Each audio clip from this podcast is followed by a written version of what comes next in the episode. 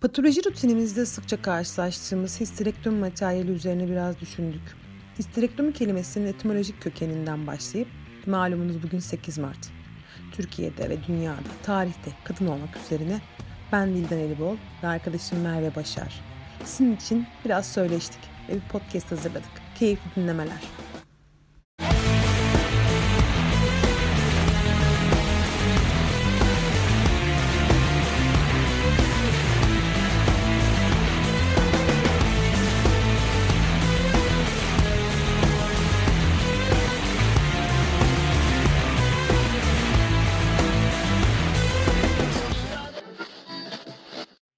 Merhaba Merveciğim, nasılsın, nasıl gidiyor?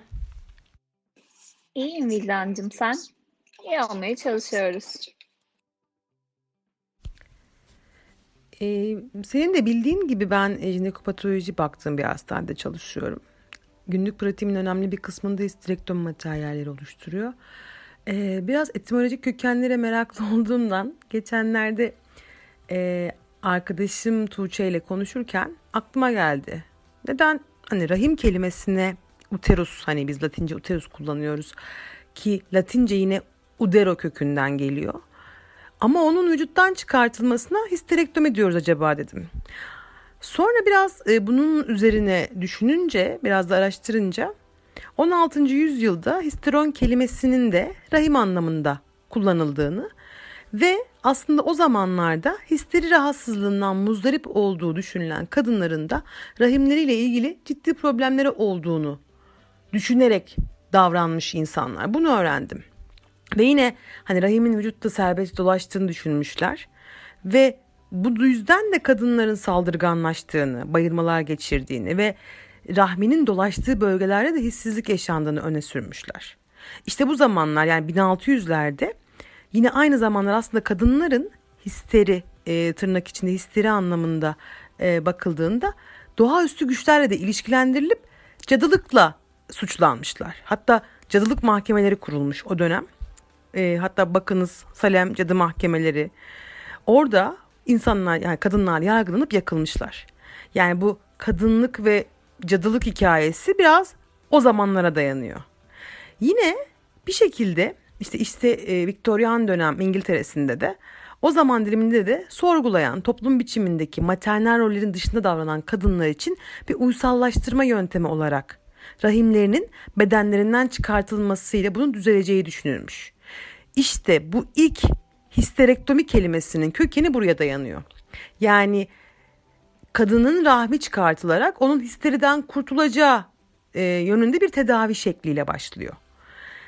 İşte bu konuya değinen Histeri diye bir film var. Ee, izlenebilecek çok eğlenceli bir film. Ee, o filmden de birazcık açıkçası bununla ilgili notlar var. İşte e, zaman ilerleyip bu Sigmund Freud'un hocası, nörolog. E, onun çalışmalarında aslında histerinin sadece kadın hastalığı olmadığı söylense de histeri bir şekilde kadın ile özdeşleşen bir hastalık olarak kalıyor.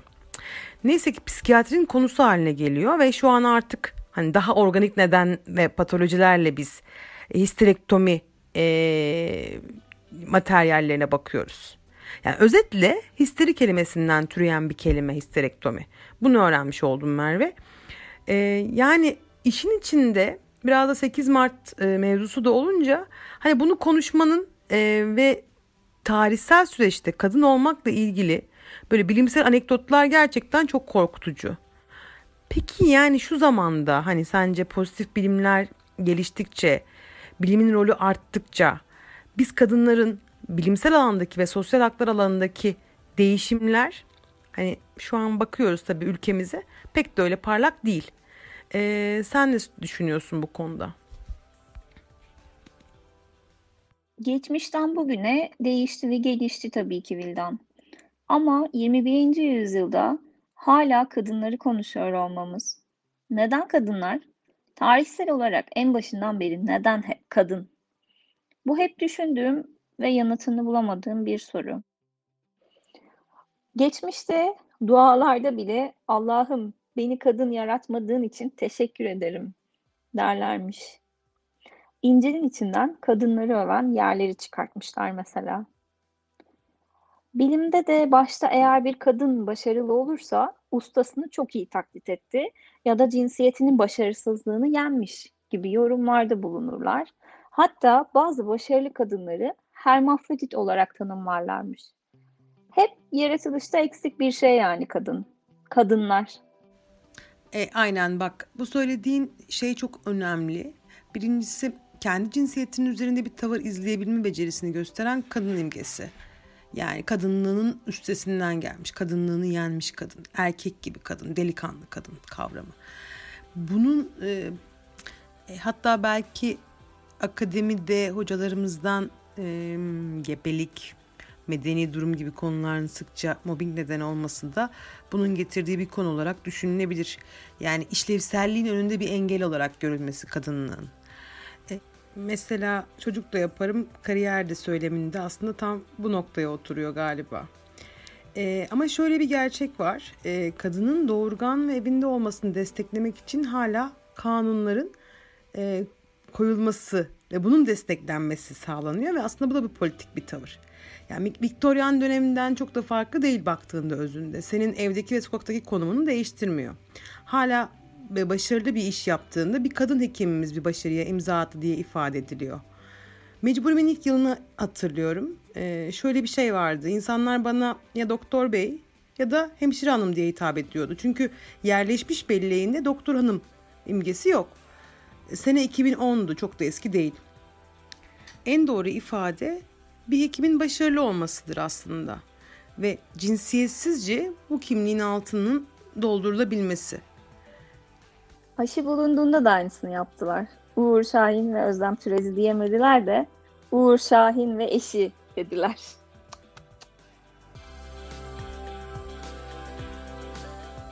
Bugün çok fazla paylaşım vardı. E, Twitter'da da kadınlar günü olması sebebiyle e, bir şey okudum. Öğretim üyesi sayısı olarak üniversitelerde öğretim üyelerine kadınların e, oranı hiç de fena değil. Yaklaşık olarak e, bayağı e, kadın ve erkek oranı eşit gibi bir şey yazıyordu. Ancak özellikle yönetimdeki sayılardan bahsetmişler. E, 200 küsur üniversitede sadece yaklaşık 17 tane kadın rektör var. E, ya da işte YÖK yönetiminde toplam 20 kişiydi sanırım. Sadece bir tane kadın var bunların arasında. E, özellikle yöneticilikte neden bu kadar az bilmiyorum ama geçmişte de Osmanlı tarihinde 622 yıllık Osmanlı tarihinde başta hiçbir kadın yok. Ya da Türkiye Cumhuriyeti tarihine bakalım. Çok eskiye gitmeye de gerek yok. Tansu Çiller var sadece. Tıp tahsiline özelinde, onun özelinde, onun minvalinde konuşacak olursak e, geçmişte hep kadınlara şunlar denmiş. Tıp yorucudur, verem olursun, sen bu işin altından kalkamazsın gibi sözler söylemişler. Ben dahil eminim birçok meslektaşım bu e, emin misin sorusuna tıp yazarken karşılaşmıştır bu soruyla. Bir yakınım bana hatta şunu demişti. İstanbul'du kazandığımı öğrendiğinde İstanbul yutar kız çocuklarını demişti aileme hatta. Evet haklısın. E, tıp fakültesi yazmak bir kadın için çok zor bir karar oluyor gerçekten. Peki patolojinin e, tarihinde e, kadınlardan bahsetmek gerekirse kimler var? E, Patolojide hangi isimler var, kadın isimler var? Benim aklımda Semiramis Tezel var. Perihan Çamber var. Kamile Şevki Mutlu vardı. 1904 ya da 1906'lı yıllarda patoloji ihtisası yapan. İleride tabii bu isimlerle ilgili de yeni podcastler yapmayı çok istiyoruz. Peki sen e, tıpta uzmanlık için tercih yaparken neden patoloji yazdın? Yani çünkü ben hani bir patoloji hekimi olarak içinde bulunduğumuz tıp alanının e, kadınlar tarafından çok tercih edilmesinin bir sebebi olması gerektiğini düşünüyorum. Sen bunu nasıl açıklarsın? Hmm, neden patoloji yazdım? Patoloji en zor branş ondan. Yani şimdilerde artık kadın bölümü olarak görüldüğünü çok düşünmüyorum. Aa, mesela biz şu an e, bölümümüzde eşitiz. 2'ye 2 kadın erkek olarak 2, 4 patoloğuz. E, en büyük paylardan biri nöbet olmaması bence. Çünkü kadın sürekli olarak bir tamamlayıcı rolü hep üstlendiği için evde yani ve işte ev, çocuk, iş üçgeni asla bundan kopamadığı için hangi mevkiye gelirse gelsin hep bu devam ediyor. Nöbet belirleyici oluyor bence o yüzden. Değişiyor evet ama bitmiyor. Bitiremiyoruz yani bu tamamlayıcı rolde devamlılığı. Periferde bu kadın hoca, erkek hoca işi şehirlere göre farklılık gösteriyor hala. Maalesef. Belki tabii hani ben kendi özelimden yaşadıklarımı düşünürsem yeni mezun olmak da buna ekstra bir etki sağlıyordur. Kadınların sürekli olarak bir şeyleri çözme çabası var. Hani patolojiyi seçerken belki bu bizim e, düşündürmüştür, bizi etkilemiştir. Bir şeyleri çözme çabamız. E, yani yani bir karışık bir ip mi var ortada? Hadi hemen çözelim. Çözülmesi gereken bir ilişki mi var? Bir erkek, bir mekan fark etmez. Biz kadınlar olarak hemen oradayız. Teşekkür ederim Merve. Ee, söylediklerine katılmakla beraber e, patolojinin hala kadın yoğun bir bölüm olduğunu düşünüyorum ben. Hatta bu zaman zaman e, kendi içimizde hani bir yüzleşme e, gerektirecekse eğer son dönemde yine çok önemli bir konu bence. E, kadının düşmanı yine kadın. Kadın yöneticinin mobbinginin daha ağır olması gibi. E, kendi içimizde de biz aslında eril dili yeniden üretiyoruz. Belki bu konuda da gerçekten bir yüzleşmeye ihtiyacımız var. E, bunu değiştirmek de galiba biz genç e, hekimlere düşüyor diye düşünüyorum. E, teşekkür ederim bu söyleşi için. Soru olarak söylemek istediğin e, bir şey var mı Merve? Eklemek istediğin. Bir şey daha eklemek isterim. E, son olarak aslında e, pazar sabahı gündemimize yine bir şiddet hikayesiyle, kadına şiddet hikayesiyle uyandık. Hmm, eski eş tarafından çocuğunun gözleri önünde dövüldü bir kadın yine. Görüntüleri izlerken nefesim kesildi. Eminim hepimiz görüntüleri izlerken çığlıklar attık. Ama bu çığlıklar asla duyulmuyor. Yine ve her zaman kadına şiddete hayır, hiçbir canlıya şiddete hayır demek istiyorum. Umarım daha güzel günler bizi bekliyordur. Umutla diyelim ve kapatırken geleneği bozmayarak Ursula Le Guin'den bir alıntıyla sizlere veda etmek istiyoruz. Onun cümleleriyle dinleyin istedik. Çevrilmiş halini YouTube kanalımızdaki videomuzda göreceksiniz. Herkese sevgiler diliyoruz. Kanat çırpın, daha yükseğe kanat çırpın. But I just want to ask the men here to consider idly in some spare moment whether by any chance they've been building any walls to keep the women out or to keep them in their place. and what they may have lost by doing so. And to ask the women here to consider idly or not at all idly, why are there so few of us?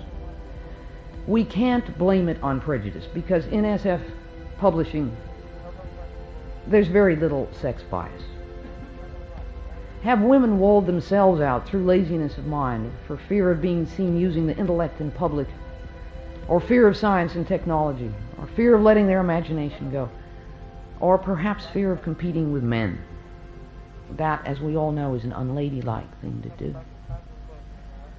But art is not ladylike or gentlemanly. It's not masculine and it's not feminine. The reading of a book, the writing of a book, isn't an act that's dependent in any way upon one's gender. In fact, very few human acts other than procreation and gestation and lactation are. When you undertake to make a work of art, a novel or a clay pot or what have you, You're not competing with anybody except yourself and God. Can I do it better this time? Once you realize that's the only question, once you face the empty page or the lump of clay in that solitude, without anybody to blame for failure but yourself, once you've known that fear and that challenge, you aren't going to care very much about being ladylike or about your so-called competition, male or female. The practice of an art is, in its absolute discipline, the experience of absolute freedom. And that, above all, is why I'd like to see more of my sisters trying out their wings above the mountains. Because freedom is not always an easy thing for women to find.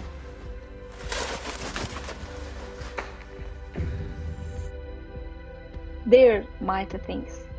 Muazzam şeylere cesaret et. Scuba Pet olarak hep derin dalacak değiliz ya. İstersek uzaya bile çıkarız dedik.